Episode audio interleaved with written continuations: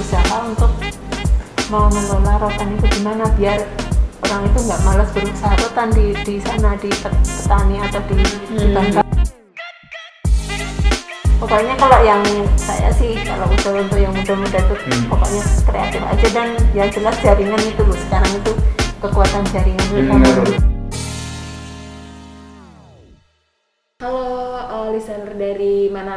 Podcast. Jadi hari ini kita kembali lagi dan kita sekarang lagi berada di PT Sarikaya Sega Utama. Jadi buat teman-teman yang nggak tahu, ini uh, PT Sarikaya Sega Utama ini adalah uh, salah satu perusahaan di Indonesia yang um, uh, industrinya itu bergerak di bidang rotan, di bidang bambu seperti itu, rotan bambu. Hmm, mungkin bisa dijelaskan lagi oleh Bu siapa memperkenalkan diri Halo, nama saya Warni. Saya bekerja di PT Sarikaya Sega Utama. Saya bagian yang mengurus ekspor.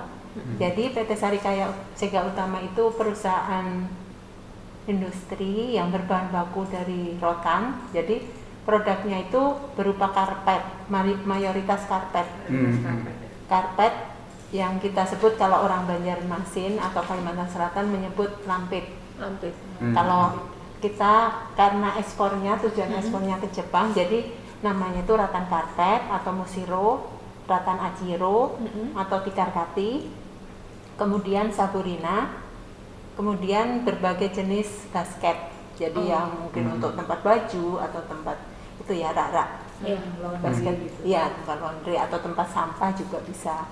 Terus juga kita ada produksi selain produk rotan dari bahan bakunya itu dari plywood, tapi plywood yang fancy. Jadi Oh. yang Hmm. yang lapisan atasnya top veneernya itu kayu red oak dari Amerika ya. Kita ngambilnya dari grup Tanjung Selatan. Oh. oh oke Iya, kalau dulu sih kita dari PT Daya Sakti, Mm-mm. tapi Daya Saktinya kan tutup. Mm-mm. Oh, oke oke oke. Nah tadi uh, menarik banget nih yang kata ibu tadi uh, udah sempat ngambil di di beberapa perusahaan nih. Nah kita pengen tahu aja sebenarnya dari beberapa kita kan lumayan membaca artikel tentang rotan kan ya. Terus ada yang bilang kalau rotan tuh rada lambat mungkin ininya uh, tumbuhnya dan lain-lain. Itu tuh benar nggak sih bu atau gimana ya?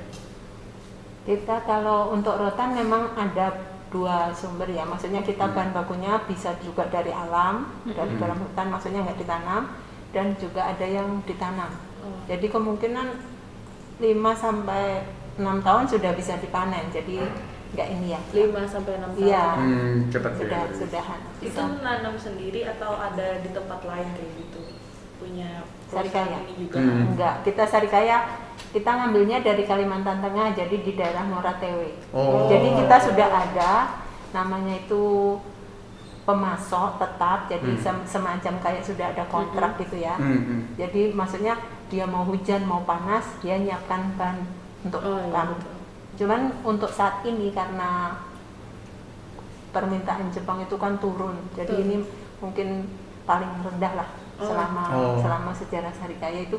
Jadi beberapa perusahaan kan kita dulu banyak di Kalimantan Selatan, Hmm. mungkin puluhan ya. Hmm. Mungkin sekarang tinggal tiga atau lima. Oh. Oh, Karena iya. kuotanya menurun, jadi kan nggak nggak ini lagi. Mm-mm. Iya, itu Enggak. tuh kuotanya berarti pas COVID atau Enggak, sebelum? memang makanya sebetulnya ingin tahu juga sih kenapa mereka orang Jepang kok sekarang nggak beli banyak Hmm, Oh, hmm. iya. rampit atau apa gitu loh. Untuk beberapa informasi yang dari ITPC Osaka Hmm. itu katanya memang selera orang muda sana itu sudah ke western. Hmm. Oh, Terus iya. yang kedua juga dia cari yang agak lebih murah. Jadi mungkin substitusi atau barang pengganti yang produk Sarikaya itu bisa diambil dari Cina. Dia kan lebih murah. Oh, Oh, iya, iya. iya, ngerti ngerti ngerti. Soalnya lebih dekat dan ini. Iya. Hmm. Terus ada info juga kalau dulu itu kalau perumahan atau apartemen di sana Hmm. itu kayak wajib lampit gitu loh. Oh, iya. Yang produk rotan ternyata sekarang itu mungkin sintetis Oh. dari Cina atau bambu gitu kan. Hmm. Mm-mm. Jadi dia juga ternyata cari yang lebih murah juga. sudah bergeser ya Oh, Iya, sudah bergeser. Itu itu berarti eh, di, di PT Sarikaya sendiri itu cuman ekspor ke Jepang atau atau ke tempat lain juga, ke negara lain juga. Enggak. Jadi kita memang kenapa juga untuk ownernya ya Bapak Hmm. Santoso itu kan sudah biasa juga misalnya ke mana-mana misalnya Eropa, Amerika Hmm. atau Afrika mungkin ya itu kan sekalian telusur pasar Hmm. monitor memantau pasar ada enggak ternyata memang enggak dan sa- saya berpikir logikanya itu mungkin karena mereka itu gaya hidupnya atau habit si Jepang itu kan lesehan Hmm. terus rumahnya kecil-kecil Hmm. gitu kan rapi bersih-bersih gitu kan Hmm. karena mereka juga nggak nggak cuma bisa beli sebetulnya membuat juga dia bagus Hmm. kayak dia bisa Hmm. di sana katanya malah ada kayak kayak sekolah mungkin memperbaiki gitu-gitu yang jadi memang dia bukan cuma bisa beli membuat juga rapi lebih mungkin lebih rapi dari kita Hmm. Apakah cuman mungkin kendalanya di upah upahnya kan tinggi kan Oh iya. harus dibuat Hmm.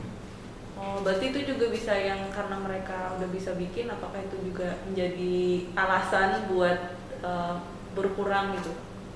kalau itu sih bisa salah satunya cuman bukan hal yang pokok Kar- karena kan yang mentah dan setengah jadi kan nggak boleh diekspor Oh, berarti dari yang Iya, oh, jadi- mentah soalnya itu Hmm. boleh diekspor.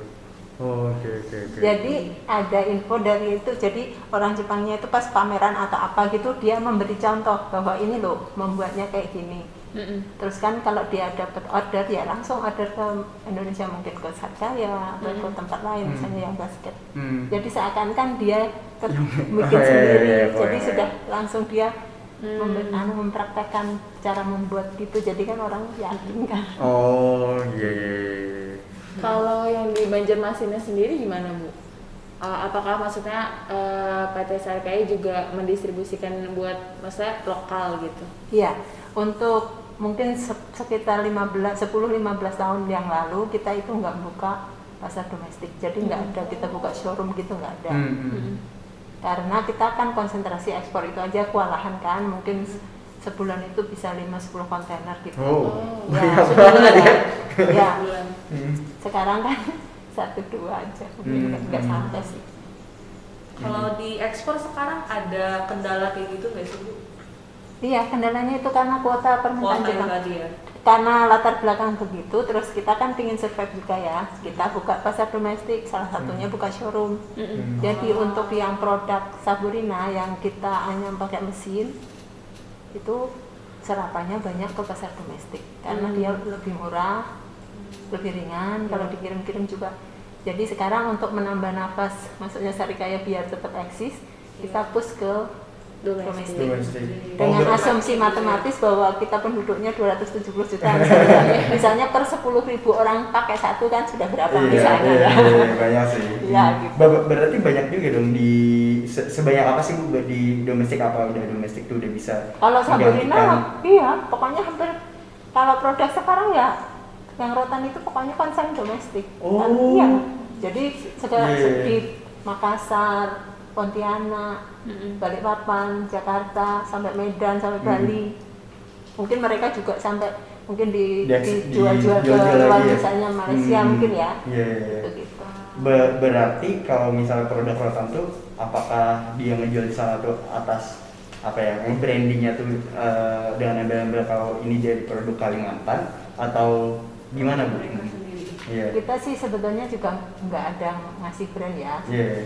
Tapi memang ada ada bias gitu kan untuk beberapa waktu itu orang kan misalnya kan lebih lebih apa lalu lintas tuh lebih banyak bisnis ke Balikpapan kan jadi orang itu pernah ke sini jadi loh saya pikir ini produk sana katanya gitu kan Oh, iya, enggak iya. justru ya dari sini Hmm. Martapura sudah Hmm. dia ditransfer Oh iya, kebayang kebayang kebayang. pokoknya yang untuk anu apa kayak produk-produk yang tikar memang ada di perusahaan di Banjarmasin ada sih satu dua cuman yang lumayan besar kayaknya saya Hmm, iya. Kayak iya. yang produk ini Saburina yang dibuat pakai mesin Saborina tuh apanya sih bu? dia karpet cuman dia dianyamnya tuh pakai mesin kayak tenun itu loh Oh, iya. tapi kalau lampet kan pakai di pakai tangan, Pakai tangan pakai ya. Hmm. Terus pinggirnya juga dianyam pakai orang kan kalau Saburina kan pakai mesin pita plastik aja ditutup Berarti Iya. lebih banyak Saborina ya? Iya, satu jam kan dia dapat berapa Iya. meter. Terus bahannya juga dia cuman kulitnya aja. Kalau ini kan agak tebal, karena kan ininya apa?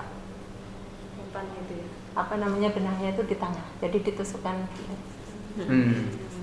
Iya, iya, iya. Tapi Iya. ada nggak sih kayak dari owner sendiri mau ngarah ke furniture gitu? atau permintaannya mungkin Oh, yang ada sedikit yang kita duduk itu kita jual juga Hmm. Hmm. ya terbatas lah maksudnya kalau ada pasar karena sekalian mungkin banyak kalau tahu masnya Senain itu kan grupnya Sarikaya Hmm. yang di Sutoyo oh yang di Sutoyo iya, makanya ma- kalau masuk mesti akan semuanya suasananya yang rotan yang gitu-gitu Hmm. Oh. Hmm, hmm, hmm. Nah, sa- saya penasaran bu kalau misalnya nih ya kayak kan yang mendengar-dengar ini anak muda kan bu. Nah, yang anak muda ini pengen nih mulai bisnis di bidang rotan. Di, dia itu bisa nggak sih ngambil produknya di sini gitu? Terus dia ngejual lagi atau gimana bu? Hmm, atau mereka emang harus sudah banyak kok kita ada beberapa mungkin puluhan ada ya jadi datang aja misalnya mau foto-foto terus nanti kan jualan online kan Hmm. Oh. jadi iya, tinggal iya. nanti kan menghubungi kita kan ada yang untuk penjualan Hmm. Domestik kayak kan. reseller kayak gitu ya? Bu? iya pokoknya foto- sebetulnya juga bisa dicek sih yang dari pihak Sarikaya kan ada dua juga di Hmm. IG kan Natif Borneo sama Laki Borneo Oh, ada itu di sudah oke. online juga Hmm. mereka kerjasama mungkin sama Blibli atau Tokopedia atau Matahari Mall atau apa Oh, gitu iya. iya. iya Hmm. silakan aja kalau berminat Eh, Sarikaya sendiri nggak ada ke marketplace itu, Tokopedia atau Shopee? ya itu yang yang Orangnya dari itu. anaknya anaknya ownernya Sarikaya yang nanti Borneo sama Laki Borneo Oh, itu yang ngurusin. Ah, ah. Hmm. jadi mereka yang anu kalau yang induknya Sarikaya enggak sih paling website aja Oh oke oke oke oke. Ini kan jadi kan kayak eh, s- saya melihat kalau rotan ini kan sebenarnya bisa dibikin macam-macam kan ya. Nah kalau misalnya di Sarikaya sendiri itu apakah eh, apakah misalnya saya UMKM nih, Hmm. saya mau bikin apakah saya bisa customize custom atau cuman produknya ini aja terus kita ngejual di branding doang atau gimana ya bu? Hmm. ini memang sudah terjadi juga yang yang dari pihak natif ini Hmm, natif sama laki terjadi. jadi dia kan ambil Hmm. yang kayak di tas-tas itu kan dia kerja Iya. sama di Jawa kan Hmm. kita bawa ini terus di dikombinasi sama Hmm. kulit di iya. Jawa terus purun ada Hmm. beberapa itu kan mereka Hmm. ini Hmm. cuman iya. itu kan maksudnya ada di- divisi sendiri unit sendiri Oh, gitu iya, iya, kalau iya. saya kan anu mainnya kan anu di maksudnya di apa ya utama Sarikaya induknya kan Oh Gitu, iya, iya, jadi kebayang kan, kebayang iya. kebayang saya. Hmm, berarti kalau berarti sekarang mudah ya kalau misalnya anak muda anak muda mau mau masuk ke sini soalnya ah, saya pikir tuh kalau anak muda mau masuk di rotan tuh dia harus belajar apa namanya membikinnya itu kan lumayan lama kan untuk mereka dapat uang. kan. sebetulnya kalau Hmm. misalnya kayak mau Hmm. apa ya kreatif itu kan kita sebetulnya ada potong-potongannya nih ya kecil-kecil mungkin kalau di Jogja atau di Jawa itu sudah dibuat dompet atau mungkin Oh, masih iya, iya. sepatu atau sandal kan gitu Hmm. Oh, oke. oke. makanya ada beberapa kalau orang dari dinas yang di Jogja gitu kan ini dibuang aja ya katanya gitu kan nggak ada sebagian memang dipakai cuman nggak kalau di sana Oh. kan sangat sampai ke yang apa ya sampah-sampah apa gitu kan Iya, iya, iya. Hmm, soalnya sekarang ya, yang yang lagi ini juga lagi rame banget sih di kayak di sosial media itu kalau sustainability itu. Jadi kan barang-barangnya barang-barang alam. Nah, jadi kayak saya melihat kayak dari rotan ini kayak menarik banget sih untuk diekspor lebih jauh mungkin dari fashion dan lain-lain. Mm-mm. Iya Mm-mm. banyak sebetulnya Ya kan? banyak banget sih Mm-mm. anunya apa peluangnya gitu loh. Iya. Kalau mau yang kan sekarang itu kan kayak kayak yang trennya tuh yang unik kan, maksudnya Mm. tuh yang aku banget misalnya yang ini produk ini nggak ada yang lain misalnya Iya. misalnya. Hmm. Mm-mm. Hmm. Kalau untuk bahan bakunya Bu, apakah eh, ada kesulitan buat dapat bahan bakunya itu? Enggak, kalau bahan baku kan se- secara logika logika sederhana kan misalnya produk produk rotan terus sekarang perusahaannya kan banyak yang tutup. Hmm. Otomatis kan sebetulnya malah berlimpah sih. Oh, iya. Iya kan, Hmm. kita kan tutup. Makanya ini akhir-akhir ini juga kan pihak bea cukai itu Hmm. berusaha untuk mau mengelola rotan itu di mana biar orang itu nggak malas berusaha rotan di di sana di pet- petani atau di, di bahan baku karena kan nggak ada yang nerima siapa nanti takutnya dia nggak kerja kan Oh, Oh, iya, iya. Ba- ba- Bahkan ternyata kan berlimpah ya. Iya kan Oh, karena iya. yang yang yang nampung kan Hmm. tambah sedikit otomatis kan Iya benar. Jadinya yang maksudnya petani- tuh dia bisnis rotan bulat itu kok kayak produknya kok kurang gitu kan Hmm. dia bisa nggak nggak kerja rotan Hmm, kebayang kebayang. ngerti. paling kita juga perlunya sebulan paling 50 sampai 100 ton aja. Oh. Hmm. Maka hasil sana kan berapa ton? nggak usah 100 ton kayaknya banyak sih bu Iya, iya, iya. ribu ton? Itu Hmm. kalau yang target pasarnya emang awalnya mau di Jepang kayak gitu dulu atau gimana bu? Kita itu kan bukan jadi kita sistemnya tuh by order. Jadi Jepangnya aku loh mau beli barang ini tolong disediakan. Bukan sari kayak aku loh punya barang ini tolong dibeli. Oh. Jadi by order. oh Terus tahu mereka itu ada di sini apakah karena atau Enggak dulu kan boomnya tahun 90-an kan buahnya itu bekas-bekasnya kan ada yang gudang-gudang rotan yang besar-besar. Hmm. Jadi tahun 86 1986 itu Sarikaya kecil banget di antara di antara yang sepanjang Ayan ini kecil. Habis itu kita mulai ekspor tahun 1988. Oh, berarti dari situ udah Dari mulai- situ kecil kan terus karena kita ada beberapa produk selain rotan kan jadi yang lain tutup karena rotan drop yang lain tutup kita bisa survive Nah itu gimana tuh cara survive-nya dulu? iya itu diversifikasi usaha jadi kita ada rotan ada wood carpet terus sekarang itu daun kulinggang Daun apa bu? kulinggang Oh. Itu khas Kalimantan apa bukan? enggak itu kan Jepang juga Mm-mm. jadi awalnya Jepang itu pelanggan kita yang sudah puluhan tahun berrelasi ekspor impor kan dia ngirim foto ini loh. Ada saya perlu tumbuhan kayak gini ada ya? Jadi kita mencari. Ketemulah si kulinggang namanya. Hmm, jadi hmm, daunnya kita ekspor sekarang. Hmm. kalau mau anu bisa dicek di situ ketepeng Cina namanya kalau di googling Kalau ketepeng Cina. Ketepeng Cina. Iya. Oh. Tapi itu diekspor mentahnya apa? daun kering. Oh. daun kering aja. Buat apa itu bu? banyak. Nanti bisa googling itu salah Oh. satunya. Kan kalau orang lokal untuk ini panu oh buat iya untuk untuk kalau orang panuan katanya pakai ini Berarti selain rotan juga diversifikasinya itu juga? iya pokoknya yang jelas kan juga secara secara prinsip kan orang usaha itu kan nggak mau kan tutup iya maunya kan maju maju terus Hmm. ya itu untuk gimana sih caranya tetap survive ya itu salah satu dan kebetulan pas ada permintaan ini Hmm. kulinggang atau candle bush Hmm. karena dia bunganya itu kalau kayak misalnya banyak tanamannya itu kan kayak lilin di semak-semak makanya mungkin orang Inggrisnya nyebut candle bush Hmm. Kalau misalnya anak-anak muda mau uh, mau belajar juga uh, kerajinan tangannya tuh bisa di sini nggak sih bu? Atau ada saran di mana gitu? Soalnya uh, saya kan pernah ikut acara-acara di Jakarta kan ya. Nah di sana emang emang anak mudanya kayak nunjukin banget sih kayak ada yang bisa me- ini pakai besi, yang me- me- membuat yang besi terus dari banyak lah. Nah jadi kalau misalnya anak muda mau belajar ke mana nih? Sebetulnya se- kalau secara no bisa aja sih cuman kan saya harus harus ini ya harus kalau saya pribadi sih itu itu bisa aja gitu loh Hmm. cuman saya harus bicara dulu karena kan keputusannya masih di Oh, di iya. manajemen ya terus misalnya misalnya pun sini tidak itu sebetulnya di pihak ini loh perindustrian bisa perdagangan perindustrian biasanya ini Perindustrian kayak maksudnya itu di pemerintahan. Iya, Oh, dari iya. dinas itu banyak kok Hmm. tawaran Oh, ini. Ini juga mau anu kan mau ada itu kayak semacam pelatihan. Hmm, bisa pelatihan. bisa bi- bi- biasanya bisa atau operasi UKM. Hmm. Iya banyak. Oh, banyak ya, Iya, dan ada. Banjarmasin. Ini Banjarbaru kemarin barusan kan kita daftar bahwa profil perusahaan apa, dan nanti kita ada jadi kerja sama-sama pusat kan, Hmm. ada pelatihan desain, pelatihan apa, itu kok biasanya anu Iya. Banyak aja ya Ah, berarti sumber dari belajar. pihak pemerintahan apalagi pandemi kan mereka juga bingung apa yang mau dikerjakan. Iya.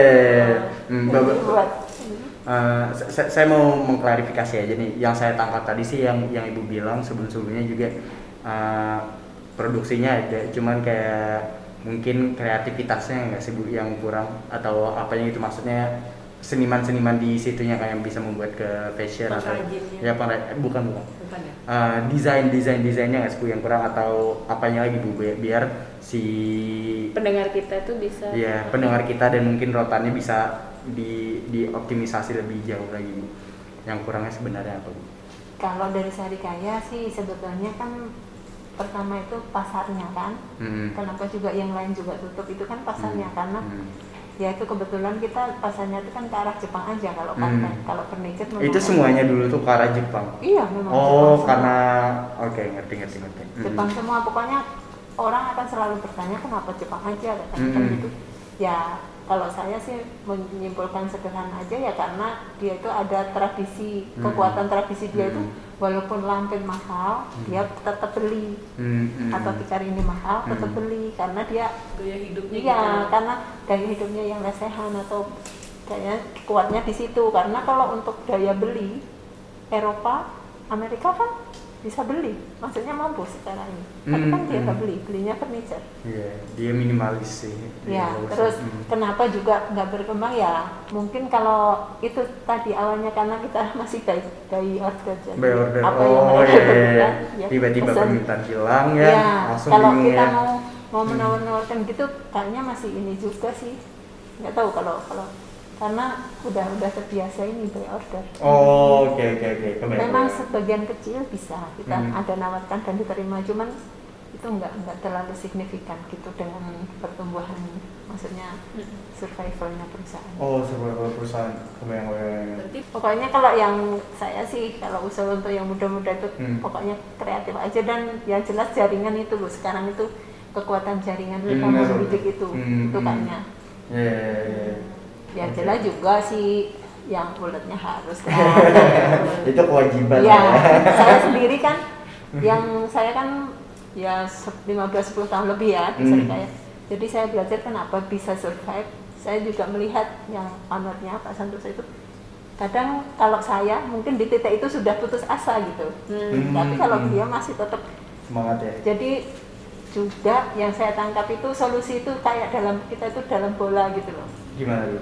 jadi kan untuk beberapa hal misalnya ini gimana kan kayaknya nggak bisa saya bilang kan jadi kalau beliau de- kalau saya misalnya depan samping sudah solusinya sudah mentok gitu loh Hmm. kayak nggak ada jalan lagi Hmm. kalau beliau masih ada jadi kan kayak bola mungkin belakang mungkin kayak gitu jadi Hmm. kita kayak hidup dalam bola gitu loh Oh, iya. solusinya tuh kayak mengelilingi kita cuman kan itu tetap harus dilatih kan Iya. Hmm. nggak bisa sih Iya, iya, iya. Oh, itu Akhirnya. eh, kapan itu bu yang pas ada kejadian itu? Kejadian apa? Misalnya kan gini.